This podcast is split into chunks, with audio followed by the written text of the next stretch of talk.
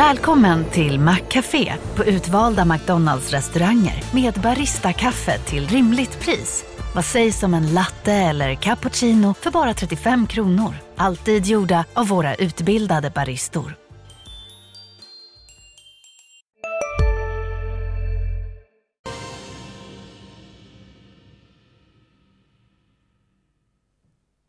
God morgon, varmt välkomna till Börsmorgon. Det är onsdag 22 februari och eh, tar över. Ja, Emelies mick eh, har slut på batteri efter en intensiv rapportmorgon. Vi har sänt sedan klockan 07.25 och avhandlat en hel del rapporter.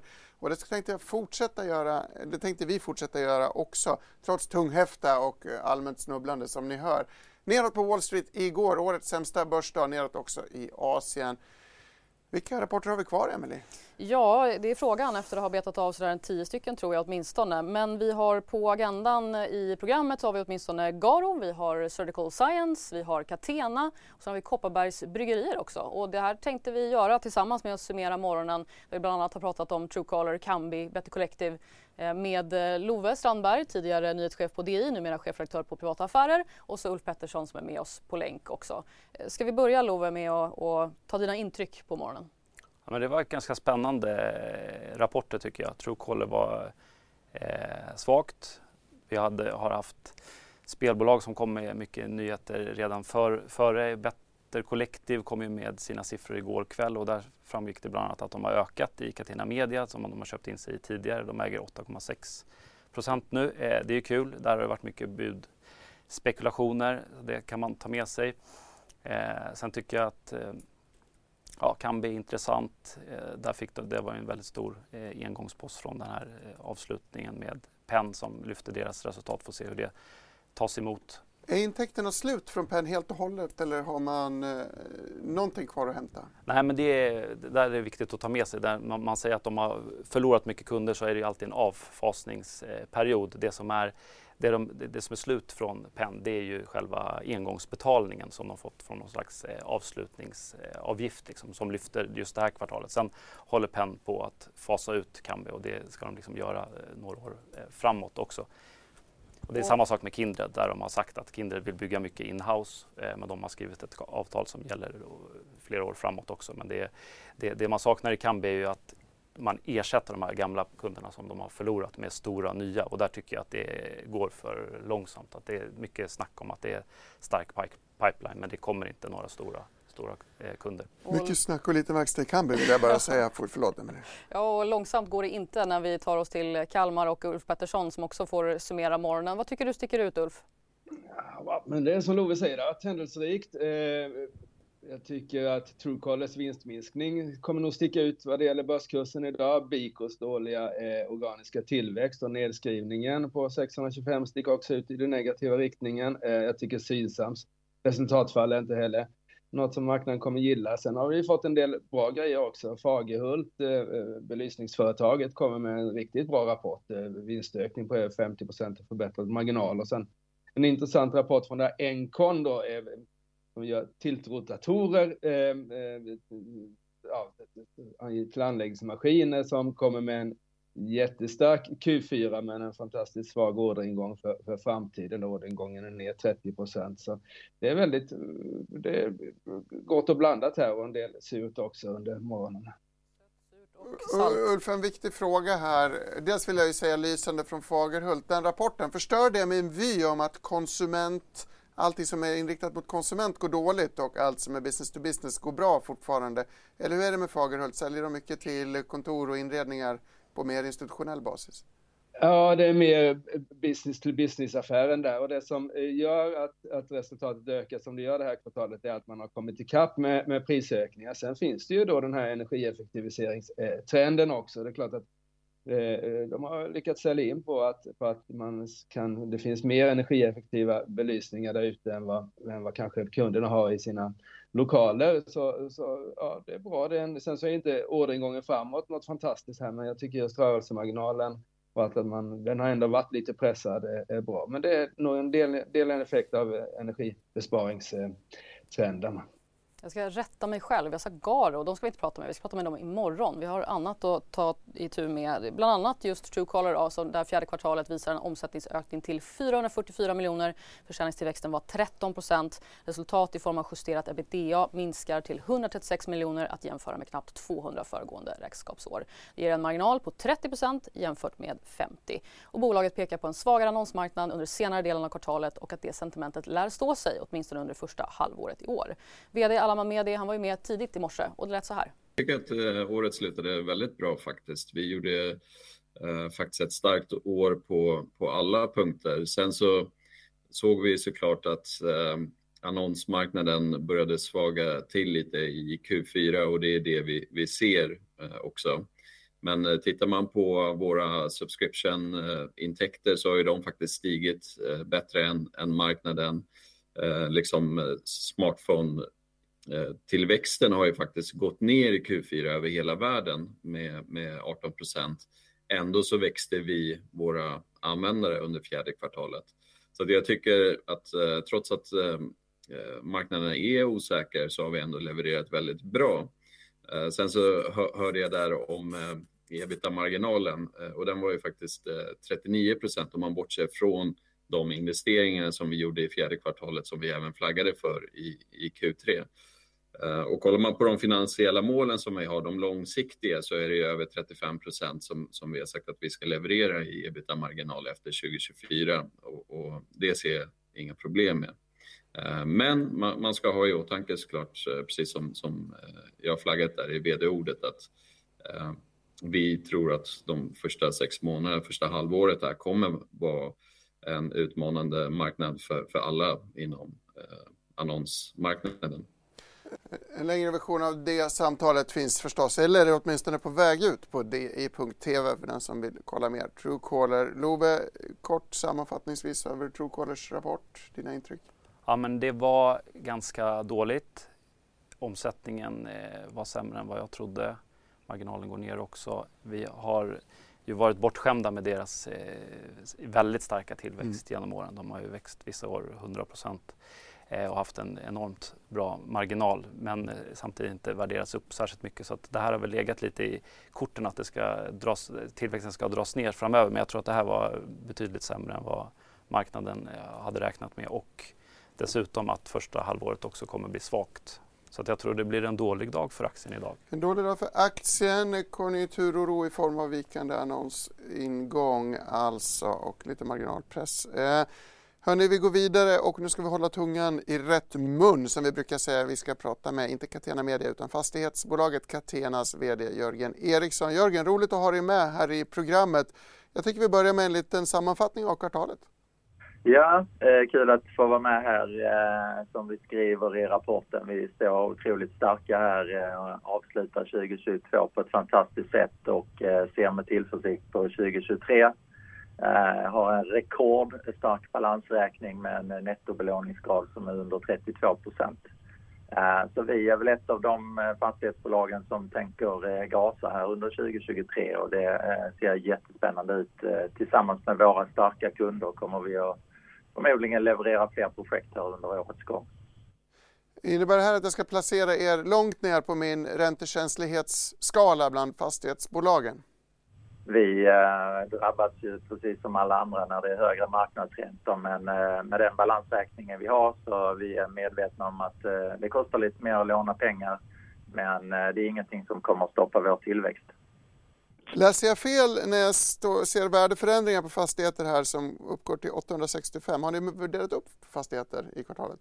Eh, I kvartalet har vi värderat ner dem med cirka 300-400 miljoner men eh, på årsbasis har vi värderat upp dem. Right, all right.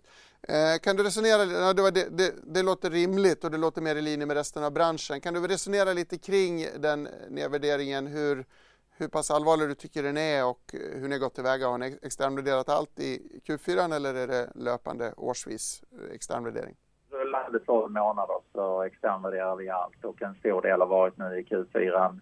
Såklart är det högre avkastningskrav på marknaden men det mitigeras ganska mycket av eh, indexhöjningen nu på 10,9 procent som vi får ungefär 90 procents effekt av, eh, av, över hela portföljen. Så att, eh, det är en ganska stor motvikt som gör att eh, värdenedgången i, i kronor blir inte så stor.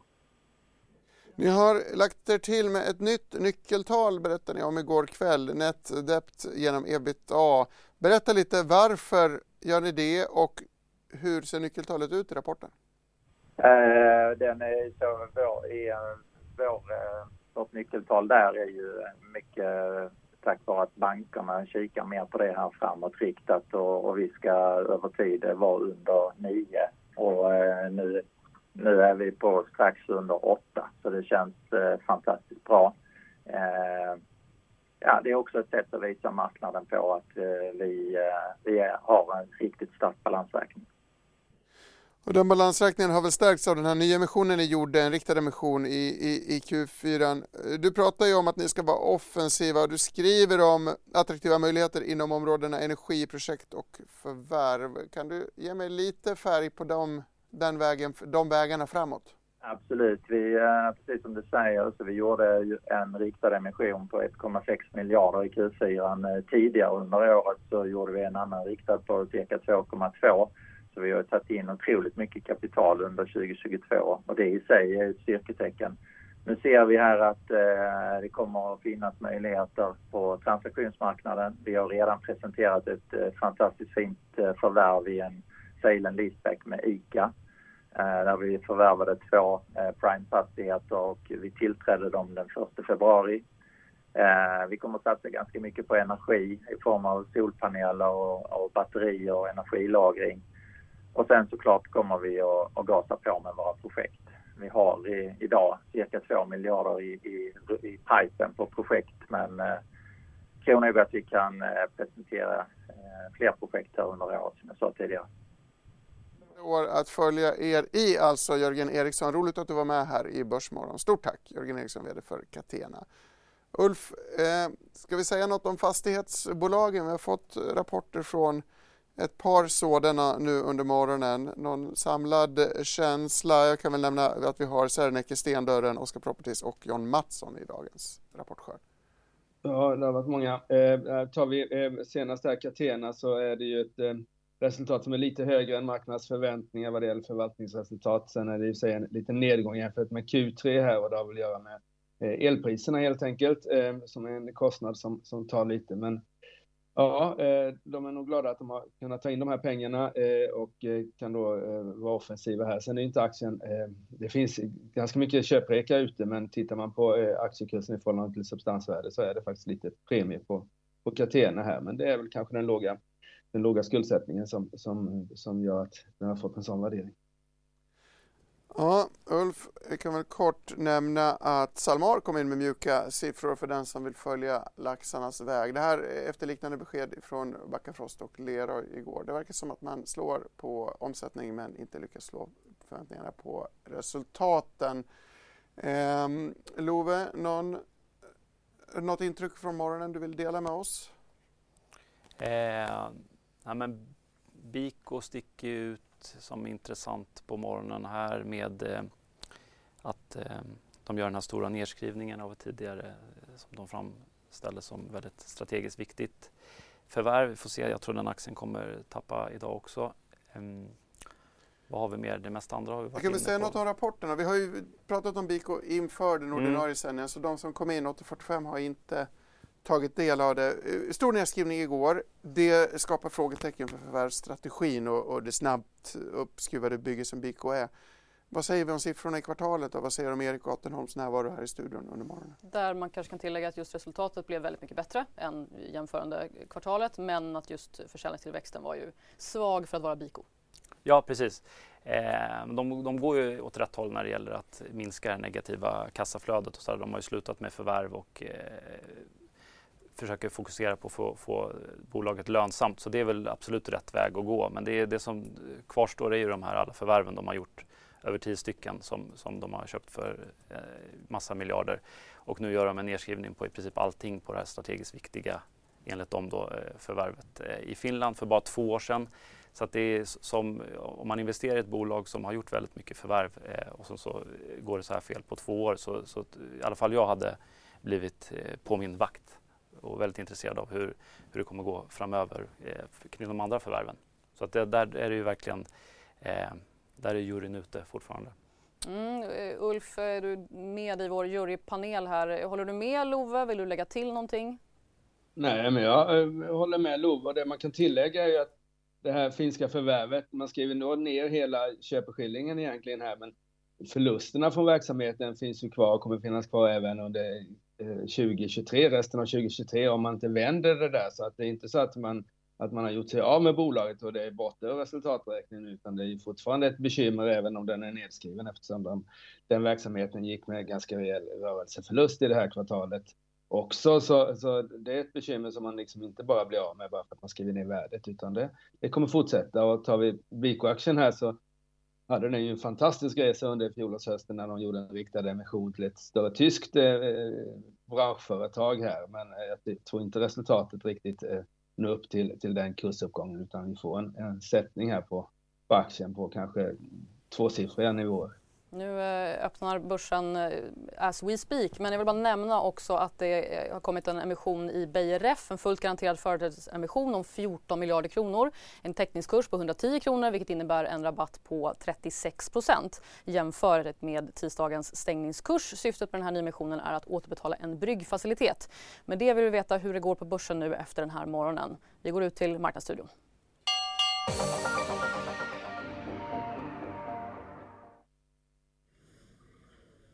Ja, Stockholmsbörsen öppnar svagt neråt här idag. Och det är tredje dagen i rad som vi öppnar neråt. Och om vi tittar bland storbolagen så ser vi att vinnarna är bland annat Telia och AstraZeneca. Och i botten här har vi Kinnevik och Sinch. Eh, och det är en hel del rapporter idag. Eh, och om vi tittar på bland annat sol och vindparksbolaget OX2 som både rapporterar och har kapitalmarknadsdag idag. Så i fjärde kvartalet förbättrade de resultatet tack vare en avyttring. Samtidigt höjde de sina finansiella mål med målet att nå en årlig försäljningsvolym om minst 2000 megawatt från 2025.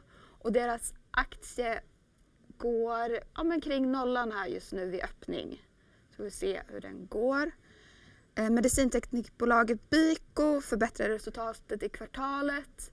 Och jag har inget avslut här än men det ser kanske inte jättepositivt ut. Men vi får se hur, när avslutet kommer. Truecaller rapporterar en kraftig vinstminskning och samma här så har jag inte något avslut ännu så vi får se hur det går. Uh, Catena Media och konkurrenten Better Collective hade båda resultat i linje med sina preliminära siffror. Eh, om vi tittar här så ser vi att Catena Media går ner 7% medan Better Collective går upp 2% lite dryga. Och sportboksleverantören Kambi redovisar ett kraftigt ökat rörelseresultat. Aktien går upp omkring 2 Och Sint är kring nollan där och en rapport i linje med sin tidigare vinstvarning. Och optikkedjan Synsam rapporterar en inbromsad organisk tillväxt. Men deras aktie går upp 4% nu på morgonen. Profoto Holding som säljer ljussättningslösningar för fotografer är svagt neråt efter sin rapport. Och så ser vi här bryggeriet Kopparbergs går ner 6 och de hade ju en rapport för fjärde kvartalet där resultatet rasade. Så tittar vi på flera fastighetsbolag som rapporterar idag. Vi har Catena som går ner på sin rapport 3% medan Stendörren går upp 1,5% efter sin rapport. Och det numera väldigt lilla fastighetsbolaget Oscar Properties gör en förlust och kassan börjar sina och man har meddelat att man backar ur ett förvärv av fastigheter man meddelade förra året. Och vi ser här att de går ner 6 och sen nu börjar det komma in lite mer siffror här så att om vi går tillbaka till Biko så är de ner tvåsiffrigt, 20% ungefär. Och samma med Truecaller också ner tvåsiffrigt. De ligger här på minus 30 just nu. Men som sagt, Stockholmsbörsen i stort går ner för tredje dagen i rad. Stort tack för det Sofia. Jag står och läser i Privata Affärer om Love Strandberg som står bredvid mig. Han är smått besatt av den perfekta brasan och den perfekta brasan ser vi ju i Truecolors aktie nu Love. Ja. Ner, nu ska vi se hur mycket var det nu, 30 procent? Vilken stjärn Smäll. övergång. Eh, ja, det här var ju inte bra såklart. Eh, det var en väldigt svag rapport där omsättningen bromsade in väldigt mycket och kom in lägre än vad man hade väntat sig. Som jag sagt tidigare så har investerarna varit väldigt bortskämda med extremt stark eh, omsättning kombinerat med bra marginal. Men samtidigt så eh, har indi eh, värderingen indikerat att så här, det här kommer inte fortsätta framåt och nu får vi väldigt, det gick, gick nog väldigt mycket snabbare än vad folk hade trott. Nu bromsar omsättningen in här. De flaggar också för att det ska bli mycket svagare H1, att de ska ha fortsatta utmaningar där. Så att jag tror det i kombination med den här indiska risken som man mm. handlas till rabatt på grund av vad det har funnits ett och finns fortfarande, tror jag i alla fall, ett stort överhäng av aktier med gamla ägare som, som har lockat och sådär. Så det är, det är många faktorer som, som talar emot den här aktien nu. Extra volatilitet. Men det var inte dåligt med volla i Biko heller, minus 20 procent. Vi har pratat mycket om Biko.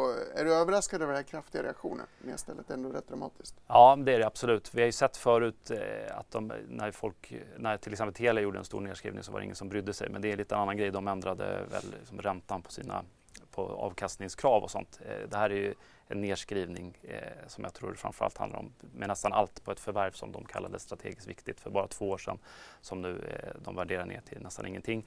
Och eh, samtidigt som de, de fortsätter ha problem med Eh, lönsamheten, den går, det går åt rätt håll men de är inte där än och eh, omsättningen eh, kom nog in sämre än vad folk hade hoppats på också i kvartalet. Två stora rörelser. Catena Media har vi inte haft med i programmet men eh, rapporten såg inte så dålig ut. Jag har lite svårt att instinktivt känna att 7% ner är en rimlig reaktion. Eh, eller missar jag något? Ja, men de har kommit med siffror i förväg ju, eh, så att mycket av siffrorna var ju kända. Jag har inte läst rapporten i detalj nu men det, den aktien har ju gått tror jag 80 procent i år. Så det krävs ju ganska mycket för att eh, folk ska handla upp den eh, mer. Det det handlar om där mycket är, är ju såklart att eh, Better Collective har ökat sitt ägande fortsatt nu i Catena Media eh, till 8,5 procent.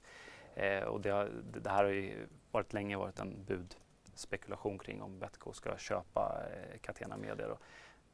Eh, så det, där, det, det, det, är det som är mest intressant i det här tror jag. Jag är väldigt upphetsad. Det är väldigt mycket att prata om eh, på, från skärmen där ute. En sista punkt jag vill nämna. BRF, det var ju väntat att de skulle göra en, en, en ny emission. Eh, så den här rabatten på 34 procent återspeglades inte i kursen när börsen öppnade i alla fall. Kort reflektion. Jag tycker att det är konstigt att man delar ut pengar först och sen tar in pengar i en emission. Någon spaning därifrån? Ja, det har man sett lite fler bolag som har gjort. Jag jag hoppas att det har att göra med att, eh, att det finns regler för vissa ägare att de bara får äga bolag som delar ut eller något sånt. Att det är en sån logik bakom. Om det inte finns någon sån logik bakom så är det ju självklart hål i huvudet att dela ut pengar och sen ta in pengar i nästa, med nästa hand. Det ju, finns ju noll mening med det. Det kan man tycka. Men nu ska vi byta ämne. Vi ska gå till Surgical Science. Mm. Är det sus och dus i den rapporten? Mm, ja, på vissa punkter kanske. Och vi kan säga att vi återgår till det vi började med i morse, alltså medtech.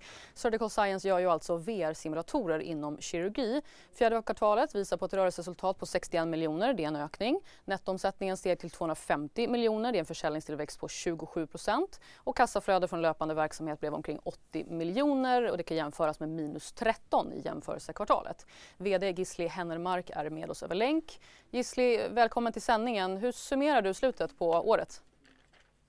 Det är ett rekordkvartal och eh, vi är otroligt eh, nöjda med, med avslutningen på året och faktiskt också hel, hela året eh, 2022. Så vi, vi, vi är jätteglada idag. Solen skiner eh, både i Stockholm och eh, hos Surgical Science idag. Trevligt. Och den här försäljningstillväxten på 27 procent, är den organisk? Eh, finns det någon form av valutaeffekt? Kan du ge mig lite färg på det där? Ja, nej men det här är ju första gången vi, vi har ett, ett rent kvartal efter de förvärven som vi gjorde 2021. Så det är ett rent eh, jämförelsekvartal och eh, faktum är att tillväxten är ännu lite bättre om man tar hänsyn till den engångseffekt som vi tydligt, tydligt redogjorde för då förra året eh, i Q, Q4. Eh, så, så tar man hänsyn till den engångseffekten så är faktiskt eh, tillväxten cirka 34 procent och sen någonstans knappt hälften av det är en valutaeffekt. Eh, så båda våra affärsområden går starkt. Eh, kassaflödet är väldigt bra och ehm, ja, nej, men vi känner tillförsikt. Och jag har tyvärr inte hunnit se vad er marginal blev för fjärde kvartalet. Kan du uppdatera mig om den siffran? Ja, bruttomarginalen låg på 66 procent och det är samma som var för, eh, för helåret 2022. Ehm, och sen om man ramlar då längre ner mot eh, ebit, vi, vi mäter ju justerad ebit, det är det som vi tycker om att titta på. Det vill säga vi lägger tillbaks avskrivningar som är förvärvsrelaterade. Då ligger vi på 23 procent eh, för, för helåret 2022. Och det, det, det, är vi, det är vi nöjda med i den, den här fasen eh, mot 2026 där vi har en målsättning om att ha en justerad ebit på 40 procent. Ja, det är just eh, det som jag tänkte på. Det måste vara ganska eh, högt låter det som. Eller är det liksom normalt i er bransch så att säga? Ligga runt 40 eller 30 där någonstans? För att jag tänker också med tanke på att ni gissningsvis inte fokuserar på maximal lönsamhet att man kanske inte ska läsa in så mycket på marginalnivån just nu i fasen ni är i. Nej, nej men vi, vi är lönsamma. Det har alltid varit viktigt för oss. Eh, men vi är ju ett bolag som har funnits i drygt 20 år. Eh, och en stor del av den här eh, början på, på bolagets eh, liv var ju fokuserad på, på forskning och utveckling, stora investeringar. Så vi har ju en, en stor, en stor tillgång i vår i våran mjukvara, i vår IP. Och det är den nu som vi börjar få avkastning på, framförallt inom robotkirurgi som är ett väldigt starkt växande område där vår simulering är inbäddad med de stora leverantörerna. Eh, och den, den, det segmentet förväntas växa väldigt starkt framöver. Det är bara strax under 5% penetration. Och så kommer det stora bolag nu till marknaden då. Eh, Medtronic har precis lanserat till exempel. J&J jobbar på sin robot och, och där finns våra mjukvara inbäddad. Eh, så att eh, vi, vi, vi räknar med att eh, ja, vi, vi känner att vi är, på, vi, vi är väldigt väl positionerade eh, efter 2022 att att nå våra mål då 2026. Eh, och tiden, spring, tiden springer iväg. Eh, ni har kapitalmarknadsdag idag som börjar i eftermiddag. Ja. Vad ska ni prata om då? Då ska vi prata bland annat om det. Eh, så säga, hur ser vägen ut efter en... Vi, vi, vi, vi presenterade våra uppdaterade finansiella mål för drygt ett år sedan. Så då ska vi prata bland annat om hur är vägen till, till att nå våra mål 2026? Nu när det har gått en femtedel av tiden. Det är ett år av fem. Eh, så vi är som en kvart in i en fotbollsmatch ungefär eh, och känner att det går riktigt bra. Växt från 600 miljoner i omsättning till 800 miljoner och vi ska nå en och en halv miljard 2026. Vi kommer också ha en del gäster, vilket är väldigt kul. Eh, bland annat så kommer vi ha CMR Surgicals medgrundare och Chief Medical Officer, Dr. Mark Slack, som kommer att berätta just om eh, hur man jobbar med simulering när man är ett Robot 20-företag och vad det betyder för, för dem som bolag och för deras eh, slutanvändare. Eh, så det blir, nog, det blir nog en rolig eftermiddag hoppas jag. Mm, och intensiv kanske. Jag tycker också att det är efter den där kvarten i fotbollsmatcher som det börjar hända lite roliga grejer. Tack Gisli Hennemark, VD för Surgical Science för att du var med i Börsmorgon. Sa du öka farten sista kvarten Tidaholm? Nej, men jag är inte förvånad att du sa det i, istället. Det är det enda jag kan om fotboll. Försöker att muta Gabriels mick och går till dig istället Love. Eh, vad säger du om det här? Det låter ganska stabilt. Han VD låter väldigt nöjd och tycker att det rullar på. Ja, jag kan inte det här bolaget i detalj, detalj men det, är ju, det håller på med väldigt häftiga grejer såklart med simulering för robotkirurgi som kommer ju vara viktigare och viktigare framöver. Sen har de ju nu, nu, har de ju bra kassaflöde, pengarna, de bygger på kassan så att det, de gjorde ju det här jättestora förvärvet, jag kommer inte ihåg vad det hette för, för några år sedan som de har hållit på eh, integrerat där de växte bolaget väldigt stort. Så att det får, får se vad de kommer använda pengarna till eh, framöver. Men det, de, de verkar ju i en eh, superspännande nisch och det, man blir alltid väldigt glad när det är svenska företag som lyckas i sådana här framtidsbranscher tycker jag. Framförallt blir man glad när kirurgen har övat faktiskt innan de skär ja, upp bröstkorgen och det, sätter igång. Det är kanon. Det tycker tydligen marknaden också för jag kan säga att aktien stiger 13 procent idag på den här rapporten. Jag är nyfiken varför Synsam steg 5 procent på sin rapport som såg svagare ut.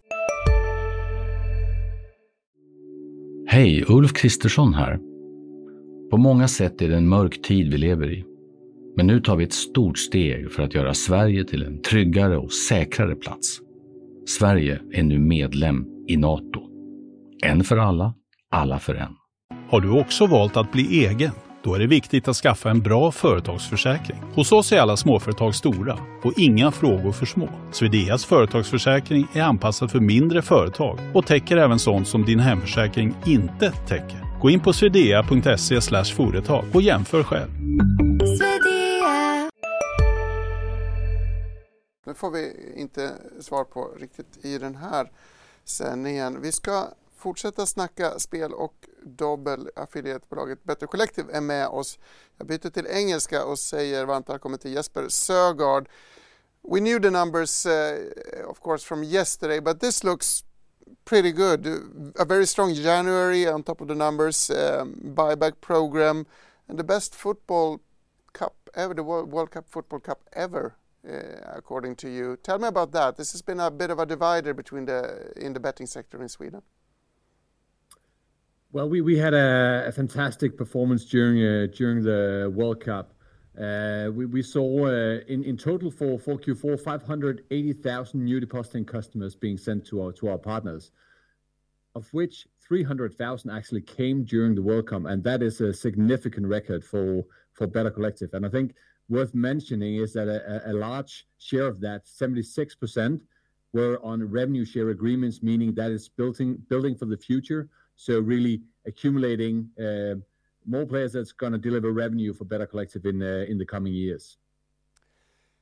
If I look at your guidance, though, for the next next of this year, there's not a lot of big events in the calendar. Do I read it correctly? Is this a softer guidance looking forward? Well, I think you're right that that it's it's a different uh, year compared to last year, as we don't have the World Cup, which is a significant sports and sports betting event. Uh, so so that that's part of the explanation of of uh, expected lower growth than in 22. Um, and and add to that that we are coming from a year with extremely high growth. so we think it's prudent to to to guide growth, which is actually Uh, still high single digit to low uh, double digit growth, which uh, is uh, definitely in line with the market and potentially uh, better than the market. So we think it's a prudent guidance, and we believe we'll be able to deliver. Yeah. So I think everybody is very interested. What are your plans for this increased stake in Catena Media? Well, as uh, we stated in our press release, uh, we have no comments uh, related to that stake. So unfortunately, I cannot comment on that. Such a disappointment. Everybody's wondering, is 8.5 a correct... That's what we reported at the current level. Is that a correct assessment of the stake? Could you comment on that at least? No. Well, you can look in our report where we uh where we state a number, but but but that's that's all I can say. Could you talk more broadly about synergies or uh, M&A and synergies in the business going forward? If you look at next years, would you be a buyer of other players in this field? Not mentioning any names, and and would would the sector be better off if, if fewer players were participating in it? I think if you look to the past of Better Collective, we've we've been uh, really the consolidator in in this industry uh, starting in in 2017. So it has been a vital part of our strategy to to acquire businesses where we saw a strategic fit and and good rationale for including them in in Better Collective. And and nothing has really changed there. So when we look uh, ahead and in the years to come, we, we, we do expect to continue to acquire Uh, businesses where we see a strong strategic fit and relevance to our business. So there's not really anything changed there. You announced some buybacks uh, in the earnings report. Could you walk me through the how you look at possible buying stuff in the future versus buying back shares? Well, historically, we have uh we have acquired uh, our own shares as they have often been part of acquisitions. Uh, we have uh, acquired several companies with founders continuing the business, and we do believe uh, it's a good alignment of interest when they also get an equity component in Better Collective. So we have acquired shares for that. We have also acquired shares for our LTI programs for the organization. And again, that's something we continue to uh we expect to continue doing in the future as well.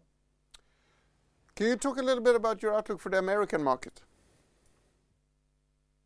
Um, well, you probably saw January where we were off to an extremely strong start, and that is due to the Ohio State launch. Uh, in nature, that is a one-off uh, uh, in, nature. So don't expect that you should multiply that by by 12. Uh, but but still, we're pleased with that performance, and we we feel we have a very strong position in the American market. this year, we're looking forward to the state launch of Massachusetts but that's that's that's what we expect currently to see from from state launches. Um, apart from that, it, it's just continue to build on the position we have, uh, develop uh, the Action Network brand, Vegas Insider, um, uh, and and Roto Grinders, and, and our other U.S. Uh, uh, brands. So simply uh, continue to to build on our strong position in the American market. I asked you about the World Cup going into the conversation. Could you tell me anything about Super Bowl? Well, it's uh, it, that was in February, and, and, and we have just disclosed uh, on, until January. Um, uh, it, it's of course a big event, so so no surprises there. Uh, but but I cannot comment in, in detail to that.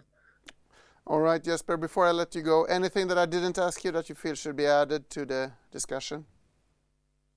No, I think we we covered it well. Uh, we're very pleased with uh, 2022. Jesper Sögaard, many thanks for joining us. Jesper Sögaard med Better Collective alltså. Love, vad säger du? Han låter väldigt optimistisk. Ja, men Better Collective har varit eh, duktiga de senaste åren. De, det har ju varit en eh, stjärnan i, i det här i det här bland affiliate-bolagen så att de, de har varit eh, väldigt duktiga, tuggat på stabilt. Så att, eh...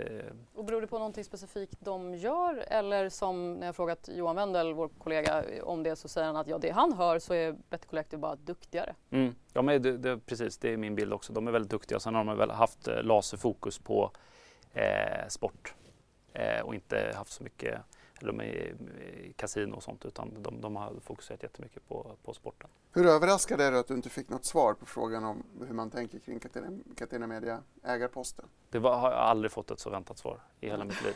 Vilket är tråkigt för det är det alla undrar så det, det, det blir så. Man, man, det är två aspekter av det. Antingen köper de upp det eller så, så köper de 10% och blockar ett bud för, så, så, att ingen annan köper upp det. Så det, det är, för aktieägare är det väldigt intressant att veta vad, vad de tänker kring det. Jag tänker mest att det är konstigt att äga en konkurrent. Det här, det här har ju varit uppe på svensk aktiemarknad tidigare när Saab och Volvo råkade äga varandra av misstag. Men det är inte bra att att äga sin motspelare. Jag vet inte om de konkurrerar exakt i samma marknader alltid men det känns ju underligt. Ja, men nu är ju sen Catena Media sålde sin, sin europeiska verksamhet till eh, GIG här förleden så har de ju bara kvar amerikansk verksamhet så att de är ju verkligen konkurrenter där.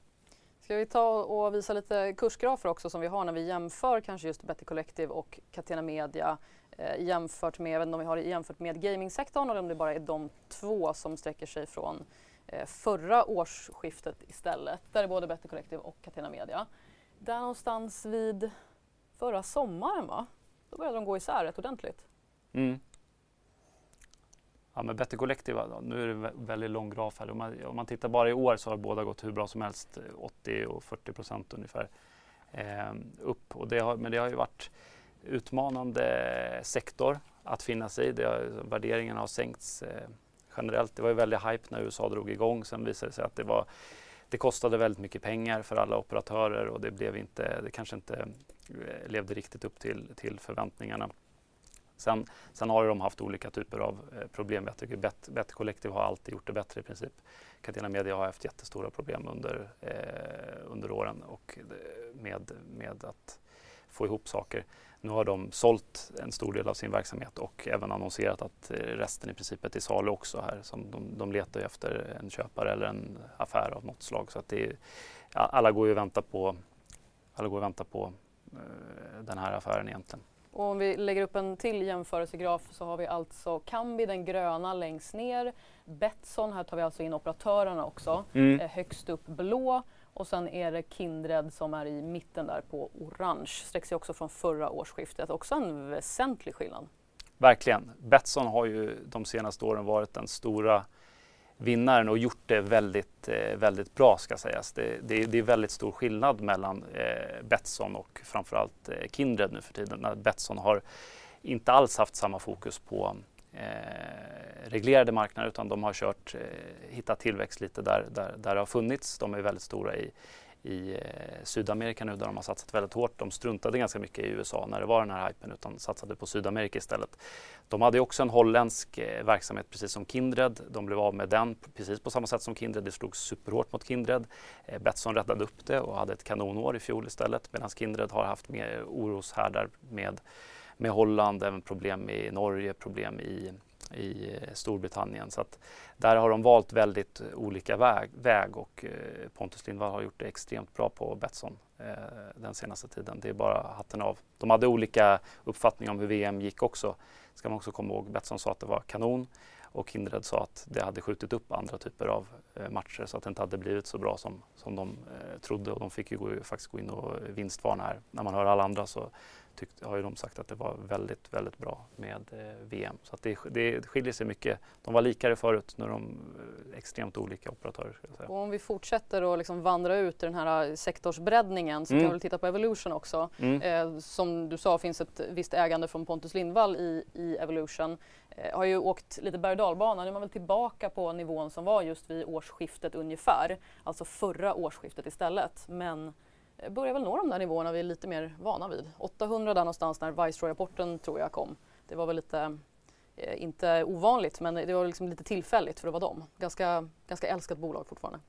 Verkligen och eh, de har ju som, som du säger, den handlades kring 800 där i höstas. Nu är den uppe på, på 1300 eh, ungefär och det, de har ju det har egentligen inte hänt jättemycket. De kom med en rapport för Q4 som var, den fick bra mottagande, men den, den var bra, men det, man är van vid bra från, från Evolution. Så det är egentligen bara att sentimentet har eh, kommit tillbaka så att folk eh, ser att, för att jämfört med andra typer av bolag i den här storlek så är det ju fortfarande ett eh, monster på, på alla punkter. Liksom. om man inte har några betänkligheter när det gäller spel som investerare så, så utklassar de ju alla andra stora bolag på, på börsen när det gäller tillväxt och lönsamhet och eh, marknadspotential också. Så det, men, men nu, det, nu ser det inte lika intressant ut som det var när man är på 800-900. Det är en otroligt, otroligt, stark, otroligt stark bild måste jag säga. The Evolution Smile tycker jag vi döper den till. Ja, just det. Det ser faktiskt ut så. Ja. Det, det, finns ju vissa som brukar ha den där jokern på på Twitter när det går bra så det passar ju kanon. Jag tänkte säga lite av en halloween-mask eh, skulle man också kunna om man skulle se det där som, en, som ett smile kanske men, men back on track uppenbarligen och väldigt ja, jag olika. Jag tycker vi stannar kvar vid Freudians bildtolkning. Kör, varsågod, ta nästa. Rorschach-börsen. Eh, är vi klara med betting? Eh, det är man ju väl aldrig. Det, det, det är ett ständigt pågående härlighet av olika saker. Det ser man ju nu också. Det händer ju sjukt mycket i, i branschen hela tiden. Standardfrågan är alltid frågan när jag inte har något vettigare fråga. Är, och den kan du få svara på nu. Det är ju konjunkturkänsligheten i, i, i konsumentledet i den här branschen. Ja. Hur, är det som med, med Synsam att man köper grejer eller, eller orkar man alltid spela lite fast man kanske inte borde? Ja, skulle jag säga. Det, det, det, de har ju, det är en, svårt att hitta en bransch som varit mer eh, stabil både när det gäller konjunktur, även pandemin var de ju en supervinnare. Så det, Fast det kan man ju förstå, att man ja, sitter hemma och bettar istället. Absolut, men det, det, finns få saker som har eh, sänkt den här branschen historiskt. Och du har ju också det här skiftet. Folk tror att det är klart bara för att eh, du har i Sverige att allt är på internet. Så ser det inte ut i resten av världen utan det är fortfarande jag vet inte om det är 90 fortfarande, men det är en extremt stor del av eh, spelet som är fortfarande fysiskt på kasinon. Det jag har svårt att förstå är varför alkohol inte är lika eh, resilient som spel. Men det kanske vi får anledning att återkomma till snart, mm. Emelie. Det blir en cliffhanger till intervjun med Kopparbergs efter att någonting som heller aldrig blir färdigt är just börsen och hur det går just nu.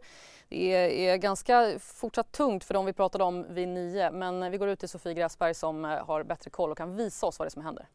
Ja, Stockholmsbörsen har återhämtat sig lite nu här under morgonen. Det är fortsatt neråt men det närmar sig nollan. Och det går lite bättre för storbolagsindex. Och där har vi vinnarna Telia och Getinge. Medan det går sämre för Autoliv och Swedbank som är i botten där. Eh, om vi tittar på de rapporterade bolagen så OX2 går ner 5% efter sin rapport idag. Eh, och eh, eh, BIK och Truecaller kom också med rapporter idag och de rasar tvåsiffrigt och är ner närmare 25 procent båda två.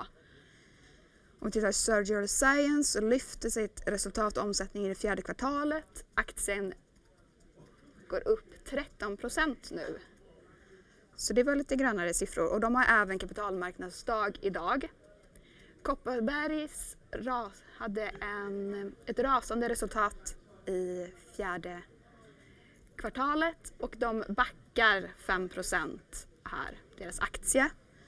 Om vi tittar på fastighetsbolagen så Oscar Properties rasar tvåsiffrigt och är ner 13 medan Fagerhult går det lite bättre för. De har gröna siffror här och är upp 8% Det är även flera bolag på First North som rapporterar idag, bland annat Atec och Funderful som är upp, båda upp tvåsiffrigt, omkring 15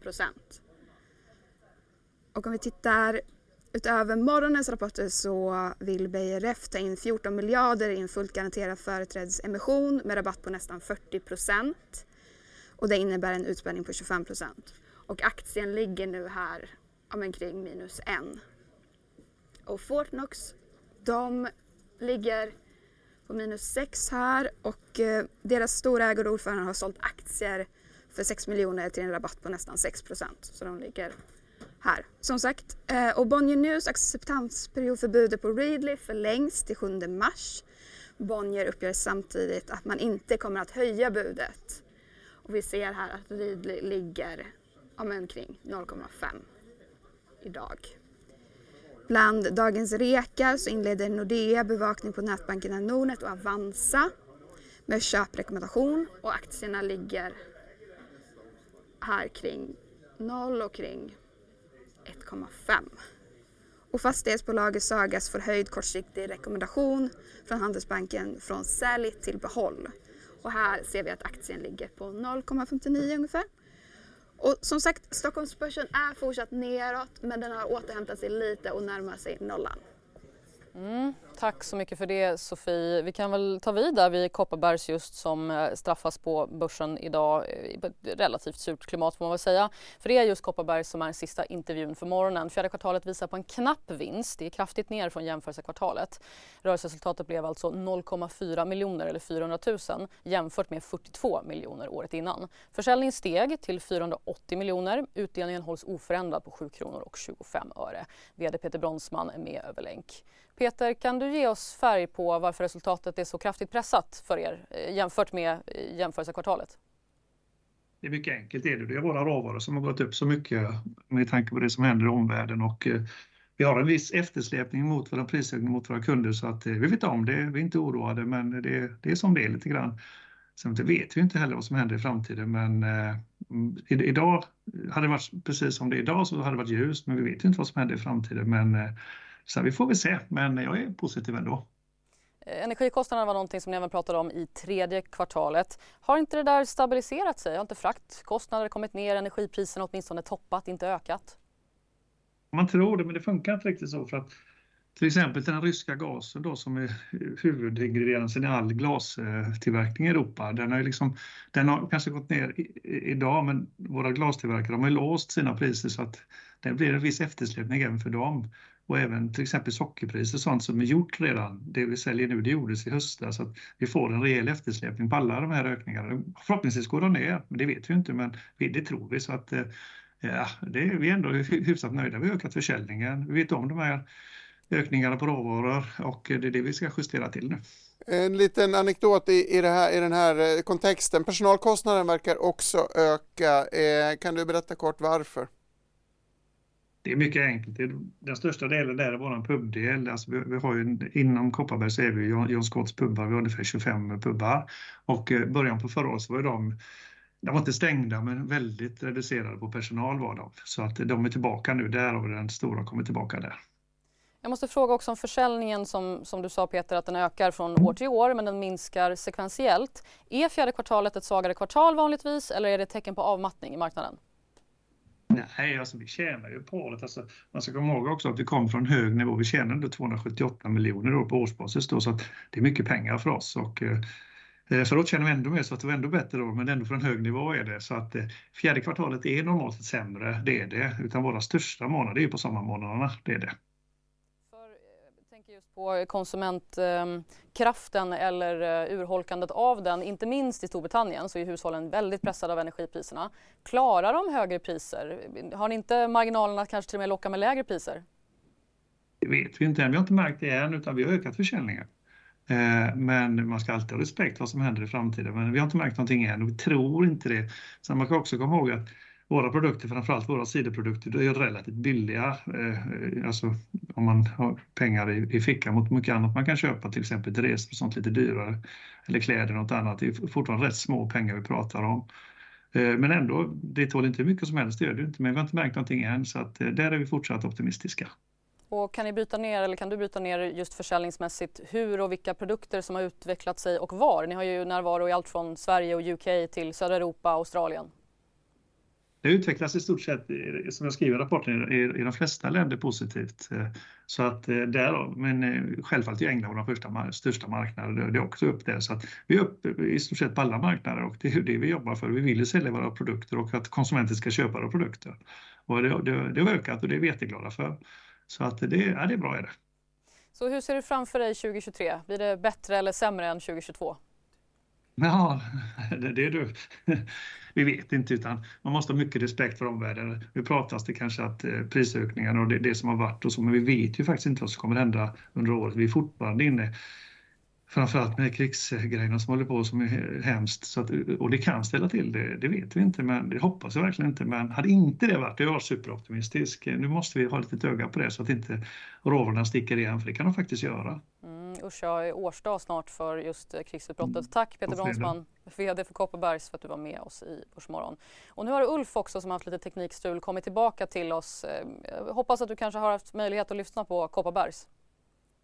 Kopparbergs hörde jag, de andra har jag inte hört så mycket av. Och, eh, det, ja, det är vi har ju vi har liksom pratat om den här prisuppgången eh, så många eh, kvartal och med så många bolag, men eh, det är ändå överraskande att man och då har ju liksom grejen från bolagen varit att höja priserna så man kan liksom föra vidare de här eh, prisökningarna. Och det lyckades ju inte Kopparbergs med alls det här kvartalet och det är ju tycker jag ändå läser Bronsman och hans intervju här att han vet ju inte om det förbättras eller eh, 2023 då, det var ju en vinstnedgång, vinst, utraderad vinst Q4, men det är en vinstnedgång på helåret också, så det är en, en svag trend, eh, annat än omsättningen då. Och jag är lite förvånad över att aktien bara tappar 5% här. Nu är det inte jättemycket handlat, 16 000 aktier, men, men likväl så, så är det ju ett riktigt svagt resultat. Ulf, mina förhoppningar om att öl och alkohol ska fungera som en tröst i tuffa tider verkar inte infrias. Jag minns att Carlsberg backade på sin rapport också. Det verkar som att den här branschen är eh, lika konsumentanfrätt som resten, som resten av bolagen vi har pratat om idag.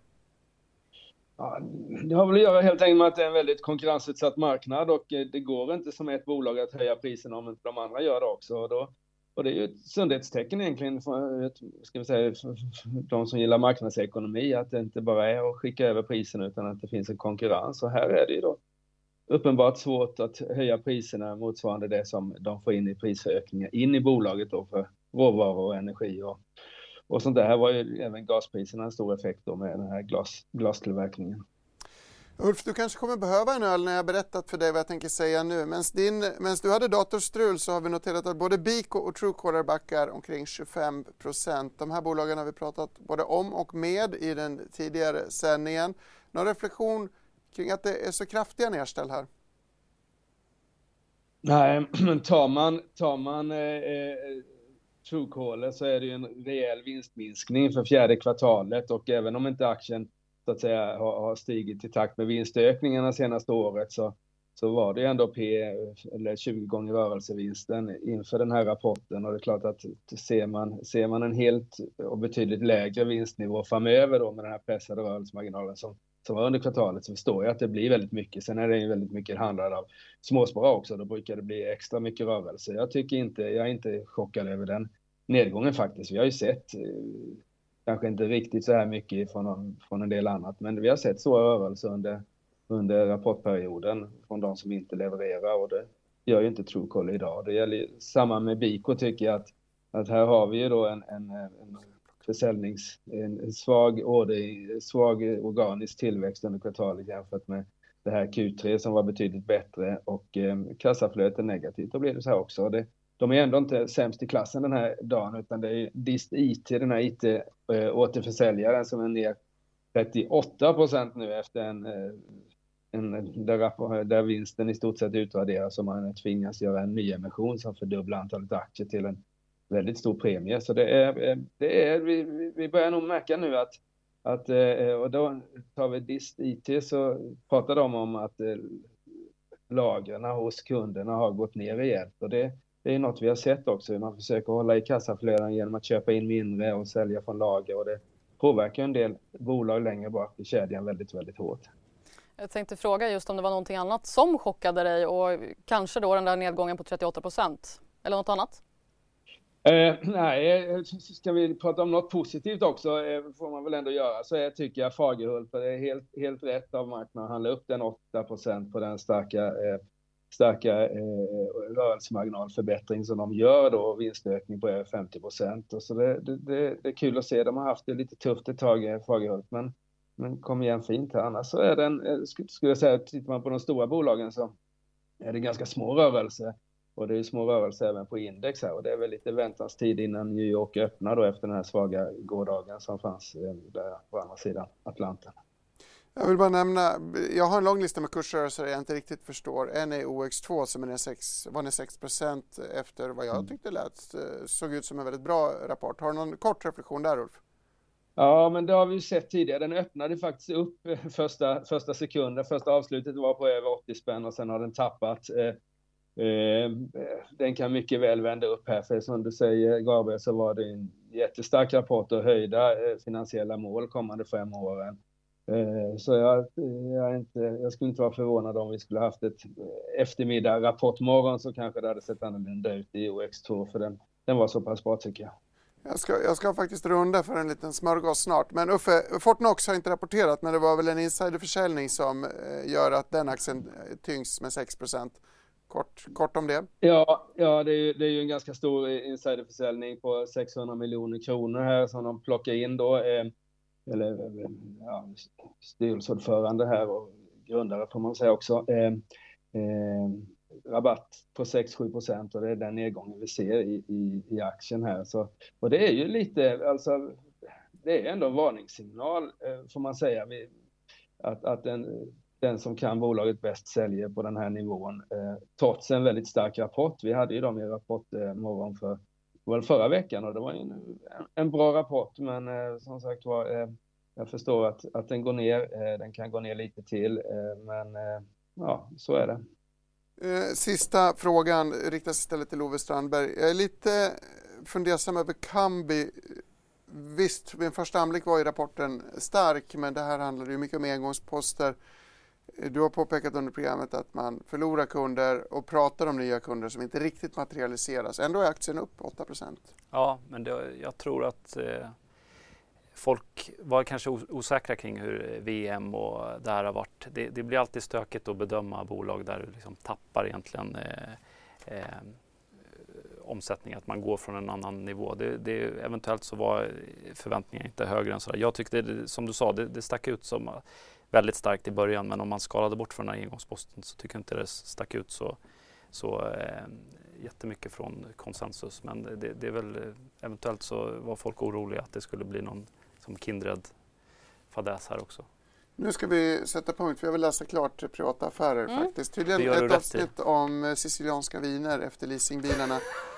Emily, är du laddad inför Garo imorgon? Ja, eller till och med kanske SBB som kommer till eh, studion eftersom att Rapportmorgon kanske tar en viss paus till nästa säsong.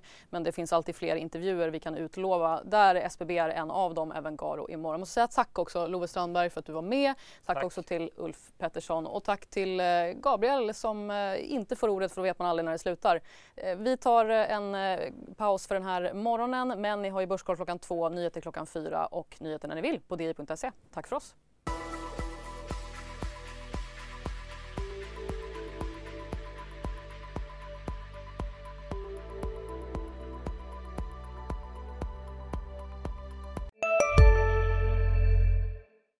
Ni är med om det största. Och det största är den minsta. Ni minns de första ögonblicken.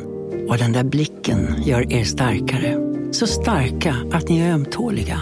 Men hittar trygghet i Sveriges populäraste barnförsäkring. Trygg Hansa. Trygghet för livet. Hej! Susanne Axel här. När du gör som jag och listar dig på en av Krys vårdcentraler får du en fast läkarkontakt som kan din sjukdomshistoria. Du får träffa erfarna specialister, tillgång till lättakuten och så kan du chatta med vårdpersonalen. Så gör ditt viktigaste val idag, lista dig hos Kry.